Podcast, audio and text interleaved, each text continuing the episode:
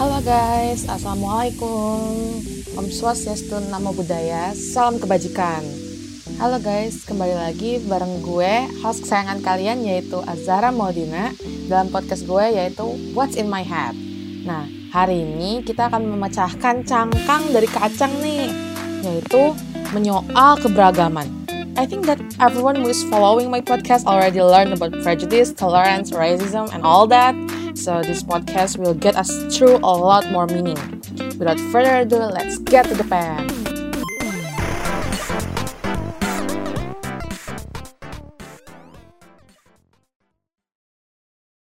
Hmm, diversity. Menurut kalian, keragaman tuh bentuknya apa sih?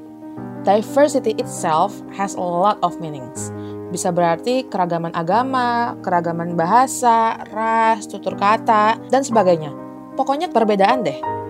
Tapi sadar gak sih bahwa pilar-pilar tadi itu membentuk satu sistem keragaman yang kompleks, yaitu keragaman budaya. Budaya itu sendiri, menurut Edward Bernard Taylor, didefinisikan sebagai kompleksitas menyeluruh dari pengetahuan, kepercayaan, kesenian, hukum, moral, kebiasaan, dan lain-lain yang diperoleh individu sebagai anggota masyarakat. Nah, budaya itu menghasilkan yang namanya kebudayaan, hasil dari budaya itu sendiri. Budaya nggak melulu soal kesenian atau hasil karya, tapi juga soal pemahaman, konstruk pemikiran, dan tentunya preferensi.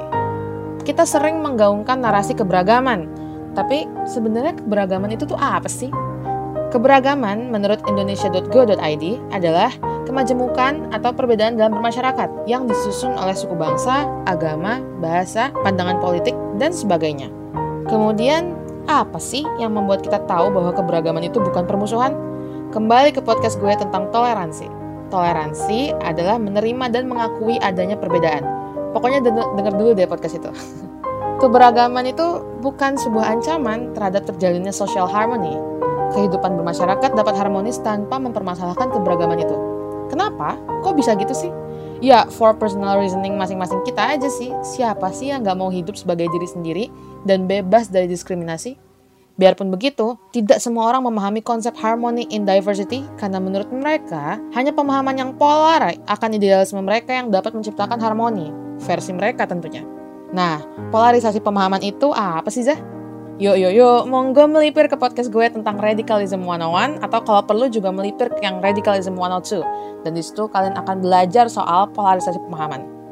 Nah, kembali ke wajan tadi. Tadi kita udah nyinggung dikit soal pilar-pilar penyusun keberagaman budaya. Ada suku bangsa, agama, ras, golongan politik, seksualitas, dan sebagainya. Nah, perlu digarisbawahi bahwa toleransi adalah segala aspek-aspek tadi, segala pilar-pilar tadi yang dapat mendukung keberlangsungan konsep harmoni in diversity tadi.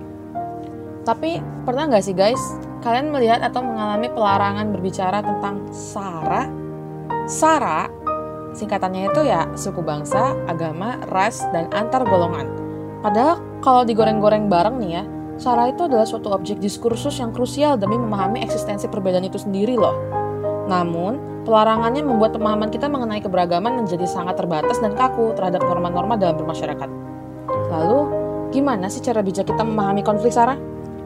Pertama, kita perlu bijak dalam memilah informasi. Banyak sekali informasi-informasi berbau SARA yang tersebar di sosial media, dan penting untuk kritis dan mencari kebenarannya. Menurut Putra 2017, sering kali penggunaan media sosial digunakan untuk mempropagandakan isu tertentu dan menciptakan diskriminasi pada golongan tertentu. Hal ini disebut sebagai politik SARA. Hal ini yang membuat SARA seakan menjadi objek diskriminatif yang diskusinya sering kali dilarang. Kedua, yaitu memahami konteks atau latar belakang dari suatu konflik SARA. Hal ini penting untuk mempertahankan konsistensi kita dalam memaknai suatu kejadian, dan pemahaman ini memerlukan penggalian informasi secara mendalam dari berbagai perspektif. Karena pemaknaan kita sendiri dapat mempengaruhi reaksi kita terhadap suatu isu yang dikenalkan sebagai teori atribusi oleh Bernard Weiner dan Fritz Heider. Pemahaman ini berlaku kepada mereka yang menghadapi konflik SARA secara langsung maupun sebatas lewat sosial media. Ketiga, diperlukan payung pengawalan diskusi mengenai SARA yang dapat menjamin objektivitas dan pemahaman mengenai isu itu secara komprehensif selama berjalannya diskusi atau bahkan setelah diskusi itu selesai. Sejauh ini, payung diskusi yang dapat digunakan adalah melalui Pancasila dan Bhinneka Tunggal Ika. Pancasila telah disusun sedemikian rupa untuk dapat membuka pikiran kita mengenai memanusiakan manusia, persatuan, dan mengedepankan pemikiran yang adil. Sedangkan Bhinneka Tunggal Ika mengingatkan kita kepada eksistensi perbedaan itu sendiri. Seperti maknanya, dari Bhinneka Tunggal Ika itu berbeda-beda tapi tetap satu. Keragaman tidak harus menjadi alasan perpecahan terjadi. Sejatinya, Sara bukanlah sesuatu yang salah karena bagaimanapun semua orang punya posisinya masing-masing dalam kata tersebut. Semua orang punya sukunya masing-masing, semua orang punya agamanya masing-masing, punya rasnya masing-masing, bahkan mungkin memiliki golongannya masing-masing. Namun, penggunaan kata yang sering kali berakibat fatal menjadikannya tabu untuk dibicarakan. Ya, gimana? Konflik-konflik mengenai Sara itu sangat sensitif karena setiap orang memiliki kecenderungan untuk mengutamakan identitas kelompoknya terlebih dahulu perbedaan dari kelompok yang lain. Bukankah begitu? Nah, kebijaksanaan dan keterbukaan pikiran dapat mendukung diskusi konflik SARA yang objektif dan jujur, dan dari sini pula lah kita bisa memahami dan bisa mempelajari diversity itu sendiri. Memaknai keberagaman sebagai bentuk dari persatuan, bukan sebagai alat perpecahan it's a very conflicting object to talk about, I suppose. Dan gue juga nggak mencantumkan contoh-contoh uh, mengenai konfliknya because ya lu bisa nyari ini di internet kok konflik sara itu ada di mana-mana, even di sekitar kita. Namun objektivitas dan pemahaman mendalam dapat membantu kita semua memahami isu-isu sosial seperti ini. Dan ya bukalah pikiran lu karena isu-isu seperti ini terjadi di sekitar kita gitu. Jadi uh, lebih sensitif lah lu kepada lingkungan lu juga dan itu tadi menerima perbedaan menerima perbedaan itu nggak sulit kok guys kayak step back aja dan jangan memaksakan pendapat lu kepada orang lain gitu loh. Karena pemaksaan pendapat juga adalah bentuk dari pelanggaran hak otoritas diri orang tersebut gitu.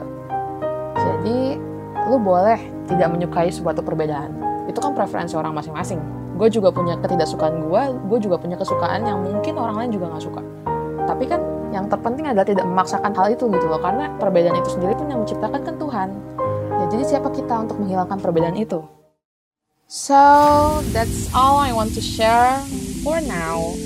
Thank you for listening to my podcast. I hope you enjoy my voice a lot and getting many insights from it. And makasih banget buat yang udah mau dukung podcast gue. And I hope you can give it a lot of support uh, gue Azra Maudina and see you at my next podcast.